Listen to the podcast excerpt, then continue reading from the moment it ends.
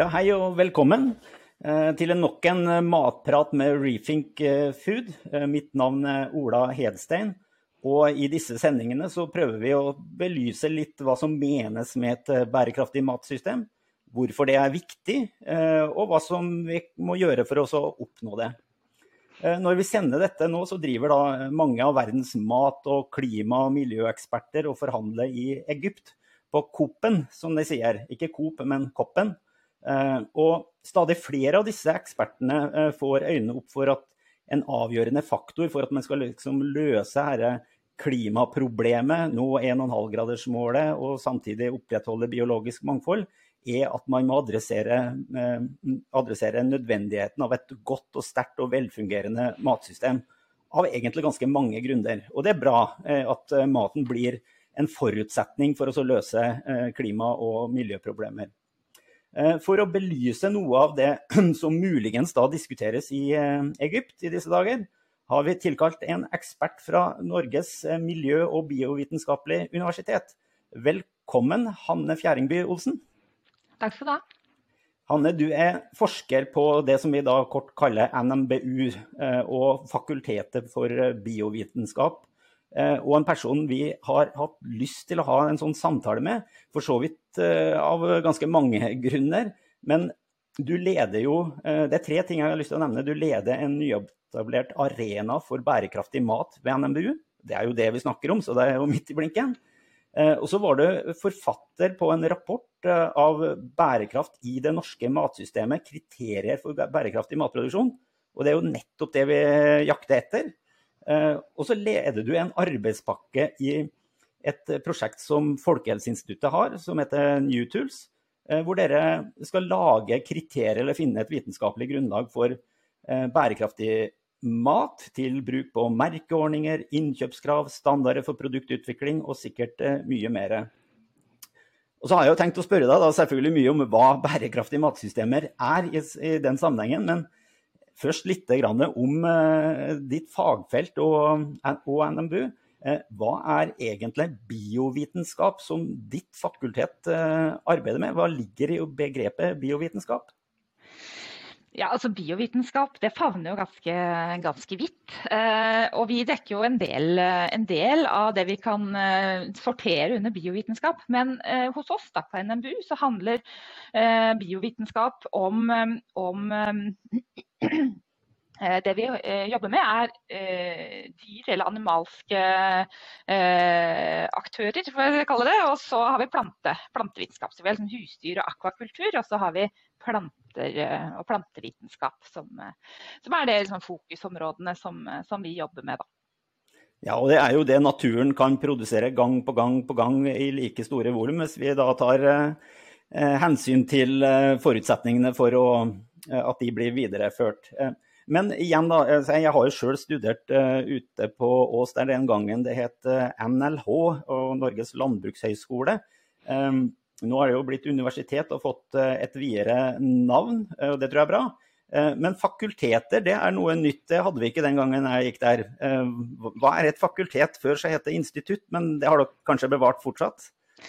Ja, altså Noen av oss har bevart institutt eh, som en sånn understruktur av fakultetene. Og, mm, og, disse fakultetene er jo egentlig en inndeling i fagområder eh, som vi dekker gjennom forskning og undervisning eh, på NMBU.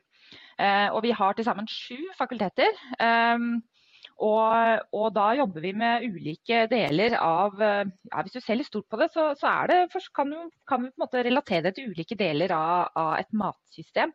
Um, for vi har jo da biovitenskap nede hos oss, og så har vi noen som jobber med, med, med økonomi, og, altså på Handelshøyskolen. Og så har vi eh, områder for realfag og teknologi. Og så har vi noen som da sorterer under landskap og samfunn. Og så har vi miljøvitenskap og naturforvaltning.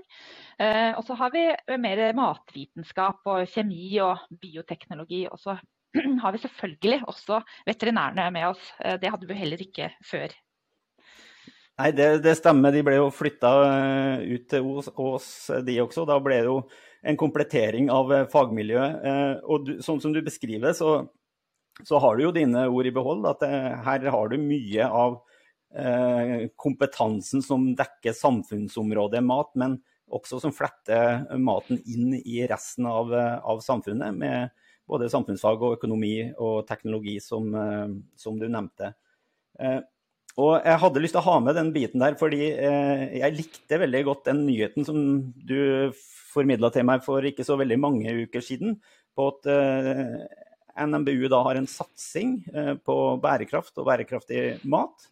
Og det, det jeg lurer på, er liksom hva, hva tenker NMBU, NMBU, på med en sånn satsing? Og hva, hva, er det man ønsker å få til? det er jo et stort tema, strengt tatt.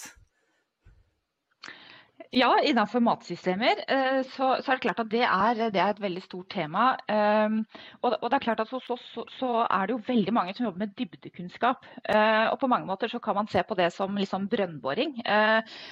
Og hvor, hvor, vi jobber med, med, forskning og selvfølgelig også undervisning da, i, i, i denne dybdekunnskapen, som er kjempeviktig. Men så har vi på en måte fått, eh, fått eh, også eller, altså, Vi ser jo et behov for å trekke litt mer de store linjene og se ting i sammenheng. Sånn at det man kan oppfatte som en bærekraftig løsning f.eks. innenfor ett fagområde, kan være at det er, eh, har, har, en annen effekt innenfor et annet fagområde. Som gjør at det er behov for at noen også jobber i et systemperspektiv. Og Det er ikke sånn at det er noe helt nytt hos oss. Vi har jo f.eks. hatt eh, agroøkologene nede hos oss på, på biovitenskap, som har jobba med eh, systemkunnskap i 20 år allerede. Eh, men, men, i forhold til en sånn samfunns... Eh, eh, altså en forståelse av viktigheten av det har kanskje økt da, fra, fra omgiv, ulike omgivelser. Og vi ser jo at eh, vi ser det f.eks. i alle utlysninger, så, så, er det klart at det, det, stilles krav om tverrfaglighet. Vi snakker mye om transfaglighet, som, som, på en måte tar det enda et skritt videre. Eh, og vi ser jo at det er behov for å snakke sammen på tvers for å finne de nye, gode løsningene. Eh, som vi kanskje ikke klarer å tenke hver for oss, da.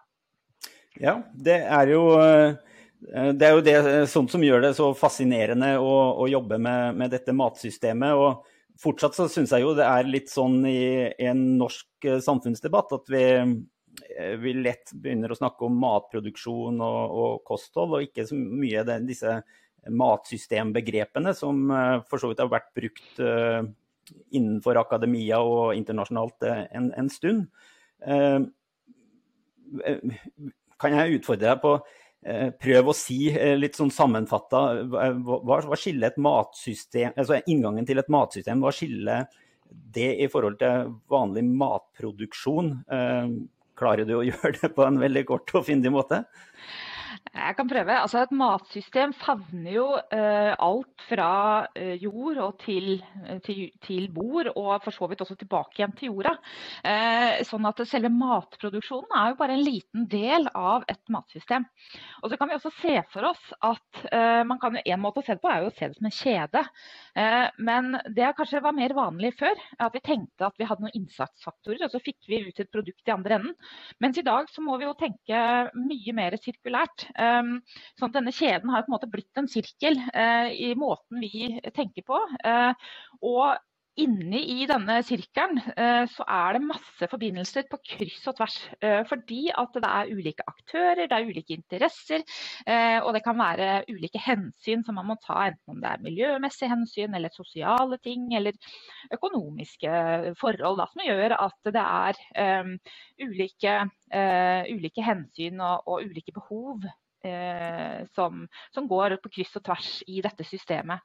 Og, og, det er klart at det å ha et overblikk over et såpass komplekst system, det er ganske, det er ganske krevende. Og det krever jo en stor grad av styring. altså At vi har en, det vi kaller for altså styringsmessig bærekraft. Og ikke bare disse tre som vi vanligvis snakker om, men at vi, dette med styring og god styring det ligger jo som en premiss eh, hele veien. Um, og Det handler jo ikke bare om sånn ovenfra og ned, at noen må sitte på toppen og mene noe om hva alle andre skal gjøre. Men det handler om god styring eh, hos alle aktørene underveis. Det handler om god styring hos bonden sjøl. Det handler om, handler om, god styring videre i foredlingsledd, eh, hos organisasjoner, i samfunnet. Altså Det handler om, om styring på mange nivåer. da.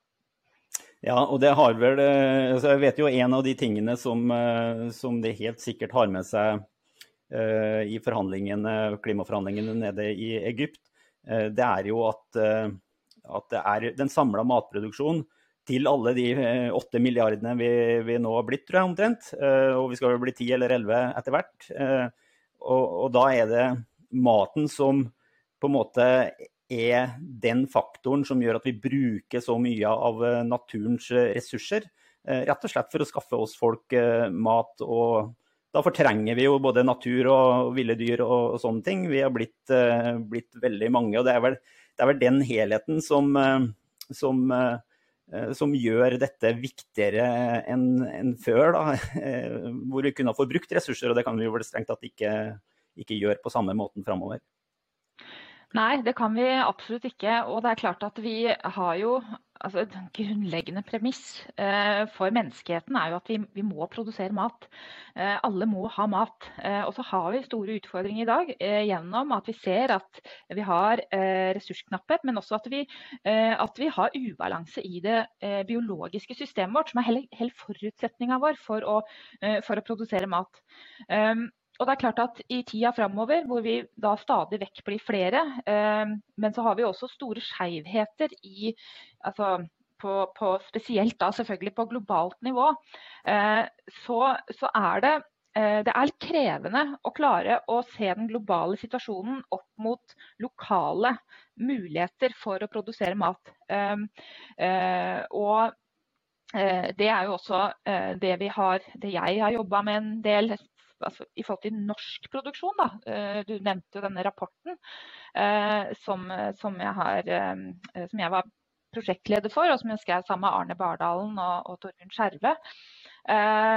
Så, så vi, tok vi dette ressursperspektivet. Og så er det veldig interessant å drøfte eh, altså Når du skal drøfte hva er bærekraftig matproduksjon, så, så, er det for meg i hvert fall veldig naturlig å ta dette ressursperspektivet. altså Hvordan kan vi omsette de naturressursene vi har, til, eh, til best mulig matproduksjon.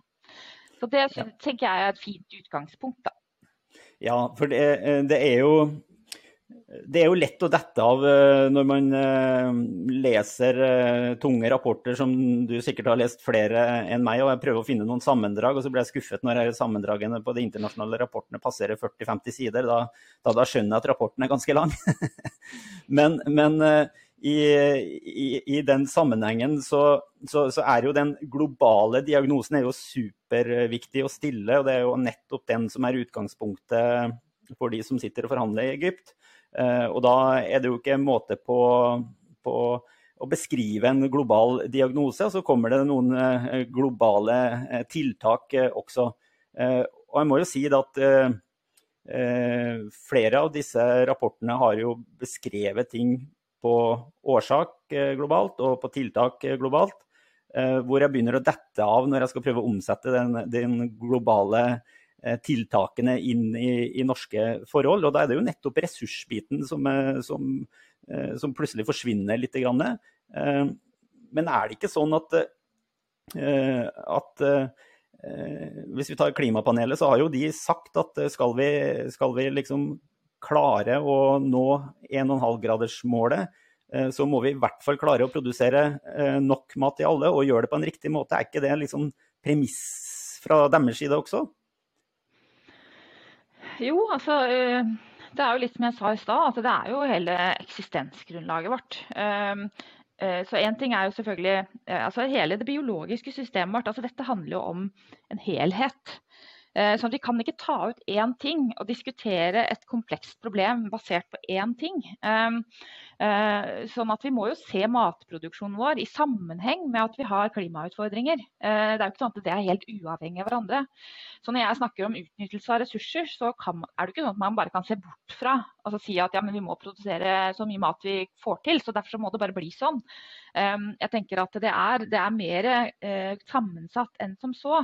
Og Det betyr jo at, at Eh, sånn som her i Norge, da, hvor vi har mye gress- og utmarksressurser, og mer begrensa i forhold til muligheter for å dyrke eh, grønnsaker f.eks., eh, så, så er det sånn at eh, vi har jo fortsatt et ansvar for å gjennomføre matproduksjonen vår på en sånn måte at vi kan forsvare det, eh, også ut fra et, et klimaperspektiv. Ja, det, det, er det jo selvfølgelig. Jeg må ikke glemme at det målet lå der, men det handler vel da kanskje om hvordan du best oppnår det når du tar hensyn til, til flere ting samtidig. Eh, jeg har prøvd å formulere en slags sånn tittel for den samtalen eh, vi har som en, en påstand, nærmest, at uh, en bærekraftig matsystem i, i, norsk sammenheng, det handler om å ta vare på ressursene vi har, og vår kapasitet til å produsere mat på, på de ressursene, og at det er liksom trinn én. Uh, Står det seg i forhold til, til, all den kunnskapen du og dine kollegaer har, har nøsta opp, eller blir det sånn, sånn for enkelt, så enkelt sagt at vi må bruke den matjorda vi har dyrka opp på en riktig måte. Vi må bruke det gresset som kan beites av disse dyrene med fire mager. Og så må vi selvfølgelig håndtere de ressursene som er ute i, i havet og sjøen på, på samme måte. Eh, kan det være liksom, trinn én i et bærekraftig norsk matsystem? Absolutt. Ehm, det tenker jeg er veldig fornuftig. Eh, og det er klart at ehm, dette med utnyttelse av ressurser, det er, det er jo også en forpliktelse som vi pådrar oss eh, i forhold til det å, å ha ansvar for matsikkerheten. Eh, sånn at Ja. Så det å, å ta gode beslutninger knytta til, til bruk av de ressursene vi har, det, det, er kjempeviktig. Og i det så ligger det jo også det å å um, tenke nytt. Altså det å tenke, tenke andre ressurser, altså andre fòrressurser f.eks., som vi jobber mye med på biovitenskap. Uh, I forhold til det å utnytte ressurser som menneskene ikke klarer å utnytte sjøl, men som kanskje heller ikke dyr klarer å utnytte direkte. Men at vi da kombinerer kunnskap og teknologi med nye løsninger for å klare å produsere mat og utnytte de ressursene som vi har, og omsette det til eh, mat som vi mennesker kan spise. Så, så det jeg tenker jeg er et fint, eh, et fint utgangspunkt. Hvis vi, hvis vi, hopper litt i det med å tenke, tenke, nytt og eh, Vi har jo kalt oss eh, Rethink Food, altså det, så vi vil jo gjerne tenke, tenke, nytt. Ikke gjøre alt annerledes nødvendigvis, men da liksom utnytte de, de nye mulighetene.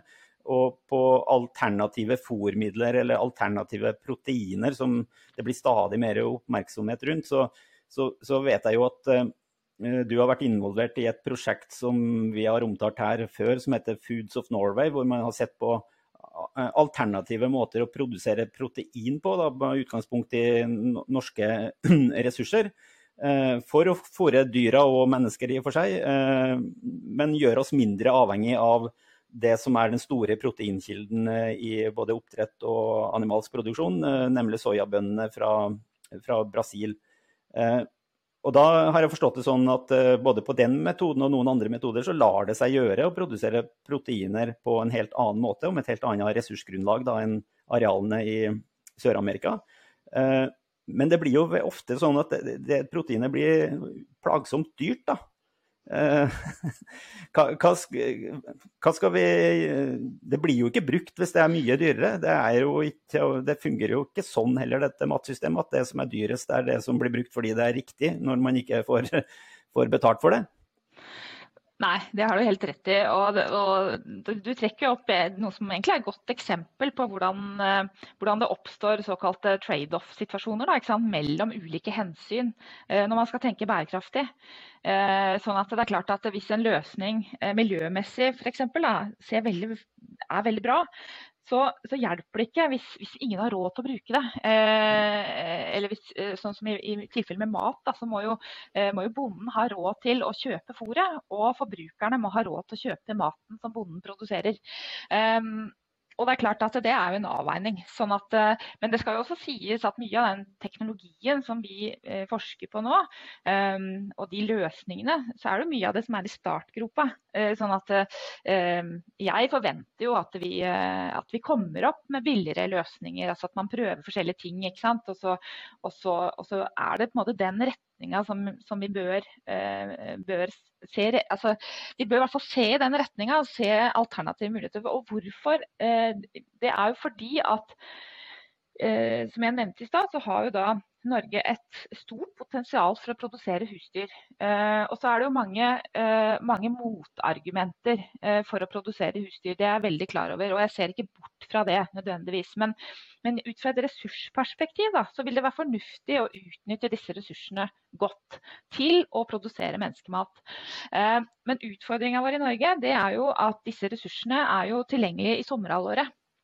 Eh, og så må vi også fôre disse dyra i vinterhalvåret. Eh, og det er jo her først og fremst, altså I et sånn framtidsperspektiv da, så er det denne vinterfôringa som vi er nødt til å løse dersom vi skal utnytte eh, disse, disse utmarksressursene f.eks. Eller, eller områder hvor vi ikke har mulighet til å dyrke menneskemat. Ja, eh, det, det, er jo et uh, vesentlig poeng, for det er jo kjempefint å se sauen går ute i fjellet og beite dette gresset som ellers ikke blir brukt til, til noen ting, men han skal leve om, uh, om vinteren også. og da, da, må han jo få kanskje gress fra arealer som ikke var superegna for å produsere matkorn, i hvert fall. og da, da handler det jo om en sånn stor miks på hvordan vi bruker arealene våre i Norge. og jeg vet ikke om du kan svare på det. Finnes det noe sånn eh, enkel eh, oppskrift som vi kan eh, legge mer vekt på i, landbrukspolitikken, sånn at vi bruker arealene våre til de riktige tingene? Eller er det, er det litt vanskelig å svare eksakt på det spørsmålet? Ja, Det er veldig vanskelig å svare eksakt, vil jeg si. Men i forhold til de prosjektene som, som jeg har, da, så, så, er det klart at vi ser jo på ulike utviklingsretninger. For det er jo, man kan jo tenke man kan jo tenke altså, i forhold til den utviklingsretninga som vi ligger nå, da, vi skal produsere mest mulig per enhet eh, som går inn, eh, for å få eh, bl.a. Eh, lavere klimagassutslipp, eh, og for å produsere nok mat så kan man jo tenke på det på en annen måte. Hvor, hvor man i stedet begynner å binde sammen eh, ressursstrømmene. Og også utnytter, eh, og det, er, er, det, gjøres jo i dag også, men i større grad kanskje da utnytte, eh, utnytte reststrømmer og biprodukter. Sånn at husdyra kanskje får en litt annen rolle. Kanskje er det ikke sånn at husdyra skal stå på sånn høyoktan eh, fôr i framtida. Kanskje er vi faktisk nødt for å ha husdyr som kan spise lavverdig fôr eh, og må klare seg på det. Og samtidig produsere tilfredsstillende mengder med mat. Eh, så mm. det er litt sånne type problemstillinger da, som, som, jeg syns er ganske spennende å, å, å, jobbe med. Ja, det høres spennende ut. Eh, vi, vi skrev en artikkel her tidligere i uka hvor vi, hvor vi retta søkelyset på en forurensningskilde fra oppdrett, som var da slam, eh, fòrrester og avføring fra fisken rett og slett under, under merdene. Og at at det egentlig, det forurensningsproblemet er eh, egentlig en tilgang til både nitrogen og fosfor og har stort potensial eh, hvis man satte det i system. Eh, noe det ikke er så veldig godt enda, men mange forsker på akkurat slike ting. Og da blir det jo fort snakk om store volumer av både nitrogenressurser til proteinproduksjon, og ikke minst av fosfor, som det er en, så vidt jeg har forstått, en begrensa mengde av på planeten. Ehm, kan vi ha store forhåpninger om at, eh, at, vi virkelig klarer å skape lønnsomhet i å gjøre slike ting, eh, tror du? Eller blir det, sånn, blir det fort sånn at det er teoretisk mulig, men neppe det som vil prege matsystemet vårt uh, på, på, en god stund? Ja, altså det, det, har vel en viss grad av teoretisk eh, ved seg eh, på mange måter enda. Men, men, men jeg tenker at eh, vi, vi, må ha en dreining. Vi må ha en, og vi snakker mye om transformasjon av matsystemene våre. Og da er det jo eh, mye med tanke på eh, det du sier nå. Altså det å, altså når du tenker deg et matsystem da, med flyt av ressurser gjennom et matsystem, så handler det jo om å holde holde ressursene inne i systemet og ikke miste noe på veien. Ikke, ikke på en måte eh, tape det, uh, men finne måter å knytte det inn igjen i matsystemet på. Mm. og, og, der det jo, pågår det masse forskning rundt ulike løsninger.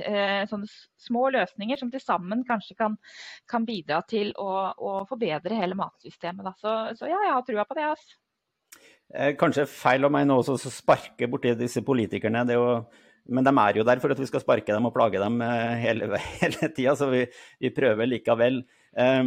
Når jeg hører våre nasjonale politikere, ofte næringspolitikere som håndterer mat- og landbruks- og oppdretts, eller havbruk og fiskerier, så syns jeg ikke de snakker så mye om det du beskriver nå, altså muligheten for å utnytte ressursene for å styrke, eh, eh, styrke de ulike produksjonene og skape sammenhenger eh, mellom de, og dermed oppnå mer sirkularitet i ressursutnyttelsen.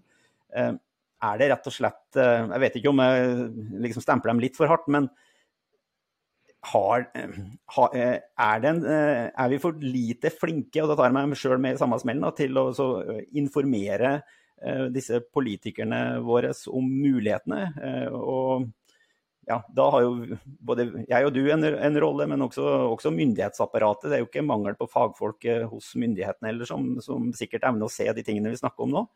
Um, men tror, er det en fare for at vi ikke fatter riktige beslutninger rett og slett fordi vi ikke har formidla kunnskapen til de som tross alt har siste ordet? Ja, det tror jeg. Jeg tror absolutt det. Og det er klart at jeg bærer ikke nag til noen jeg for ikke å ha full oversikt over et såpass komplekst system som et matsystem er. Men, men, det er klart at det er jo også årsaken til at f.eks. NMBU nå øker fokuset på, på dette med, med bærekraft og, og, systemer også. Da. Eh, og som også er formålet vårt i denne bærekraftsarenaen som du nevnte innledningsvis, og som jeg for øvrig leder sammen med Ola Vestengen eh, på Landsam. Eh, men, men, hvor vi tenker at eh, altså vi skal være kunnskapsleverandører. Eh, mm. Universitet skal være kunnskapsleverandører, og vi skal være, gjøre det gjennom forskning og gjennom undervisning. og Det er vårt samfunnsoppdrag. Eh, og det er klart at eh, Politikere er jo avhengig av å få tilført kunnskap for å fatte gode beslutninger. Eh, sånn at Jeg er jo ikke i tvil om at ja, vi trenger masse dybdekunnskap, men, men, vi trenger også noen som evner å se eh, og tenke på tvers, og det å tenke helhetlig i et system. Så ja, jeg håper at vi skal kunne bidra, eh, og vi skal gjøre vårt beste til å bidra med den kunnskapen som vi produserer, i hvert fall. Eh, gjennom denne bærekraftsarenaen som starter nå, eller som er i ferd med å, å rulle i gang. Ja, og, og, La oss eh, komme litt inn på den, for nå har vi jo varma opp til at det er åpenbart et behov for at NMBU syr sammen disse kompetansemiljøene og prøver å ta den systemiske blikket. Og hva, hva, ser dere for dere, eh, om ikke planene er helt ferdig i detalj for alle årene dere skal holde på, men, men, men hva, hva, hva, kan være liksom et sånn hovedprodukt som, som kommer eh, fra denne arenaen? Hva kan vi se for oss? Hva er jeg pleier av og til å spørre folk har du en liten våt drøm om hva du skal få til. og i så fall, hva er det? Ja, Vi tenker eh, først og fremst altså Det er selvfølgelig innafor disse segmentene med forskning, og undervisning og kommunikasjon som vi kommer til å jobbe i arenaen. Men mye av felles, uh, fellesområdene mellom de tre er jo nettopp dette med kommunikasjon.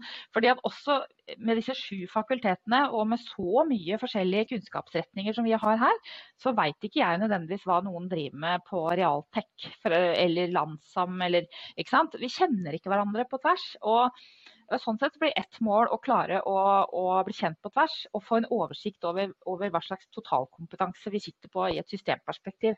Og så er jo selvfølgelig også en annen ting å kommunisere utad. For andre må også få vite om dette her. Eh, eh, så, så, mye av aktiviteten i arenaen vil gå på det her. Og så håper vi jo da at dette, eh, altså når vi da blir kjent på tvers og får innspill fra, fra eksterne gjennom ulike kommunikasjonsarenaer, så kan vi kan vi skape uh, ny forskning. Det er jo et, et gyllent mål. Og det kan jo være i form av forskningsprosjekter, men vi kan jo også tenke at kanskje er det nødvendig med en sentersøknad, eller ja.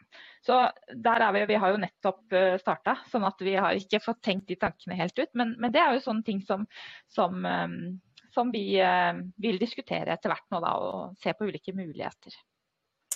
Bra. Eh, vi i Reefing Food vi har eh, vi satt en knapp på, på, den formidlingsbiten. Det håper jeg virkelig dere prioriterer eh, høyt. For eh, det som er gledelig, i hvert fall sett fra, fra vårt ståsted, er jo at eh, det er mange som velger å lytte til sånne samtaler som jeg og du har nå. Så, så det er mange som er på, på søkersiden. Og eh, for uh, bare noen uker siden så, så, spurte MDG om jeg kunne forklare dem litt hva, hva Farm to Fork i EU-sammenheng var. Hva prøver man å oppnå der? Og det er jo, det er jo et imponerende stykke tiltak for å gjøre noe systemisk, etter min mening, uten at vi trenger å gå inn i den tematikken eh, nå. Eh, men formidling, det, det heier vi på. Jeg håper dere får eh, satt av mye tid og ressurser til akkurat det. Til sist, Hanne, tenkte, nå ser jeg vi har holdt på vår halvtime, egentlig. Men jeg hadde lyst til å spørre deg avslutningsvis for det som, det som du bl.a. er veldig involvert i gjennom New Tools-prosjektet til Folkehelseinstituttet, som, som leter etter eh, objektive faglige kriterier for eh, bærekraftsmerking eh, av ymse slag, som jeg nevnte. Men det, det, er jo en realitet at uh, man også snakker om et bærekraftig kosthold, som selvfølgelig må ha en sammenheng med et bærekraftig matsystem. Uh, hva, hva, er dine betraktninger rundt, rundt det når, når, både norske myndigheter og andre eh, land skal begynne å gi råd til forbrukerne eh, når de skal ha et eh, sunt og fornuftig kosthold som samtidig bidrar til å styrke bærekraften i, i matsystemet. Det, det, det, har du jo jobba med, men det er jo ikke noe mindre tema, det. Hva, hva tenker du, hva tenker du om, om det, rett og slett? Jeg tenker at uh, altså jeg er veldig opptatt av for, forbrukerne som, som, en gruppe. Og den påvirkningskraften som forbrukere har på hele matsystemet vårt. Gjennom de valgene som vi tar, da, du og jeg, når vi går i butikken. i forhold til Hva er det vi velger, uh, hva er vi opptatt av. Um, og det er klart at det å komme i, i uh, i en posisjon hvor du kan uh, hjelpe, med, altså hjelpe, oss forbrukere med å ta noen gode valg. Uh, så kan vi ikke fortelle folk hva de skal mene, men vi kan i hvert fall prøve å uh, gi tilstrekkelige opplysninger til at de tar informerte valg. Da, altså, da må mm. de ta stilling til det. Så vil det alltid være noen som ikke bryr seg. Selvfølgelig, det, Sånn er det alltid. Men, men, men, formålet vil jo da være å lage et system som er eh, godt, eh, og som kan ta inn i seg både miljømessig, men også sosiale eh, og da sosialøkonomiske eh, forhold. Eh, og kunne fortelle forbrukeren eller beslutningstakeren, som også er en forbruker. ikke sant? Altså Det ja. å fortelle folk um, hva er det du står med i hånda nå. Uh, og Det er klart at det er jo ikke noe enkel manøver. Uh, og Det skal jeg være veldig tydelig på, at det er kjempekrevende. Men uh, det, det, altså det, pågår jo et stort arbeid i EU. Um, og, og, det er masse forskning som, som går i retning av altså dette med, med rammeverk og hvordan kan vi måle bærekraft. ikke sant? Det er jo ikke noe vi har begynt å tenke på i dag. Uh, uh, og Litt av utfordringen er at det finnes ikke ett system. Det er ikke én måte å gjøre ting på som, som vi kan si at å ja, men dette går vi for. Og, og, så er det jo veldig ulike produksjonsforutsetninger ulike steder i verden, eller bare i Europa, eller bare i Norge for den saks skyld. Så har vi eh, ulike produksjonsforutsetninger som gjør at vi må, vi må gjøre et godt stykke arbeid. Og kanskje kommer vi ikke helt i mål, men håpet er at vi skal kunne komme med et fornuftig bidrag. da. Det, men det må jo da bety at uh, altså, hvis vi går i butikkene nå, så ser vi at uh, det dukker opp Eh, ulike private ordninger eh, på stort sett, eh, vil jeg si, klimamerking. Altså klimaavtrykket per kilo vare eller et eller annet i den dur, er det som, som forbruker da blir eksponert for mer og mer. Og forhåpentligvis da merking bygga på kunnskap og, og, tall som det er hold i. Men, men, det kan jo ikke være bare det, for da det er jo bare ett av elementene i bærekraft, og absolutt ikke, ikke noen garanti for at du spiser noe som, eh, du, som bidrar til at du støtter en til utviklingen av et uh, bærekraftig matsystem. Det kan jo være eh, kontraproduktivt, rett og slett, i de verste tilfellene. Absolutt. Og det er jo nettopp derfor vi tenker at vi må, vi må, vi må bidra eh, for å få nyansert det. Fordi at eh, det er klart at det ligger jo noen økonomiske krefter også, altså drivkrefter, i forhold til at man kan oppnå markedsfordeler gjennom å ha tilgjengelig informasjon, og selvfølgelig gjennom å gjøre det best mulig. Sånn at man kan gjøre det til en sånn markedsføringsmotivasjon.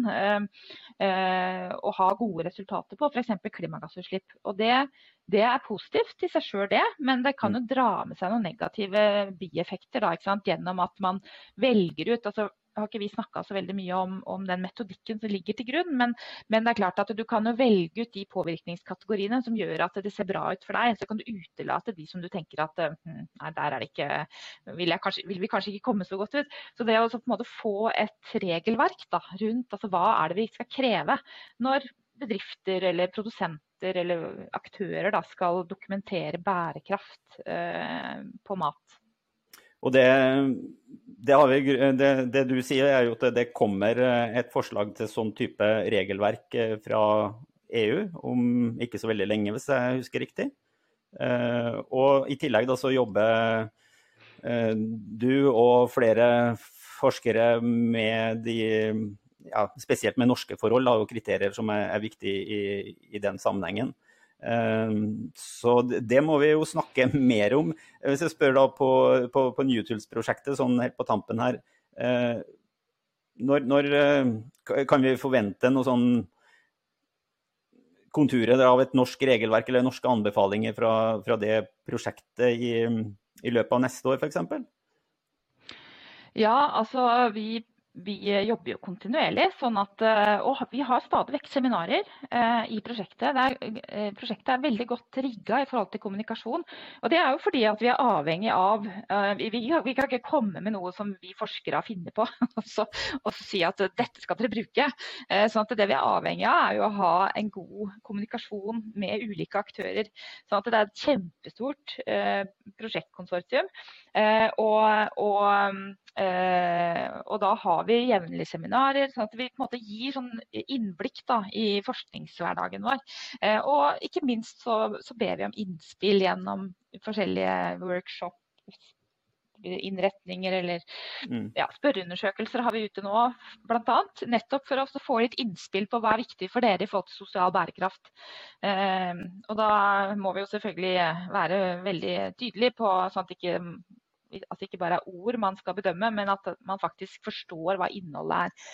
Men, men, men det er sånt som er veldig, veldig, viktig, tenker jeg, da, i forhold til det å involvere eh, de som faktisk skal kanskje være sluttbrukere på et eller annet tidspunkt. Eh, så er det viktig å utvikle eierskap og føle at man er med på, er med på en prosess. Da. Og kanskje mm. kan man ja, det, er noe, det, det, er jo ikke noe, avstemming som sier at eh, ok, flertallet sier at vi ikke skal bruke det. Da kan vi ikke gjøre det. Det er jo ikke sånn det foregår. Men, men, for det skal jo være kunnskapsbasert. Men det er viktig for oss å, å få innspill og utvikle eierskap eh, med håp om at det er noe som, som ulike aktører syns er nyttig. da.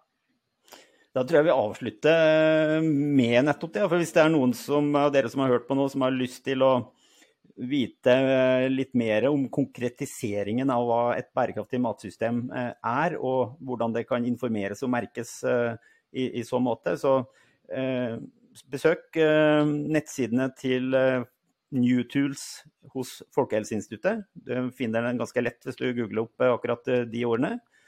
Og følg ordentlig med på at Hanne og Ola med da arenaen for bærekraftig mat på NMBU, oss, eh, hva de etter hvert eh, publiserer på, på sine eh, nettsider når dere har kommet godt i gang, sikkert i løpet av 2023. Løpet av 2023. Der, der, vil det være informasjon, og selvfølgelig hos oss på Rethink Food. Vi har også en del informasjon om, om, disse tingene og leter og graver i det forskerne holder på med. Det er du som til syvende og sist avgjør hva som blir en riktig forståelse av bærekraft. For det handler om vår felles eh, kollektive oppfattelse av hva det er. Eh, takk for praten, Hanne. Det var eh, nyttig og interessant. Så jeg håper vi holder kontakten, og at vi kanskje får deg tilbake her når dere har drevet fram arenaen et stykke videre. Takk for meg. Ok, takk til dere som hørte på. Vi kommer tilbake neste fredag, og du finner våre eh, samtaler på YouTube, på Facebook og på podkasten. Så vi er mulig å lyttes til i ettertid også. Ha det godt.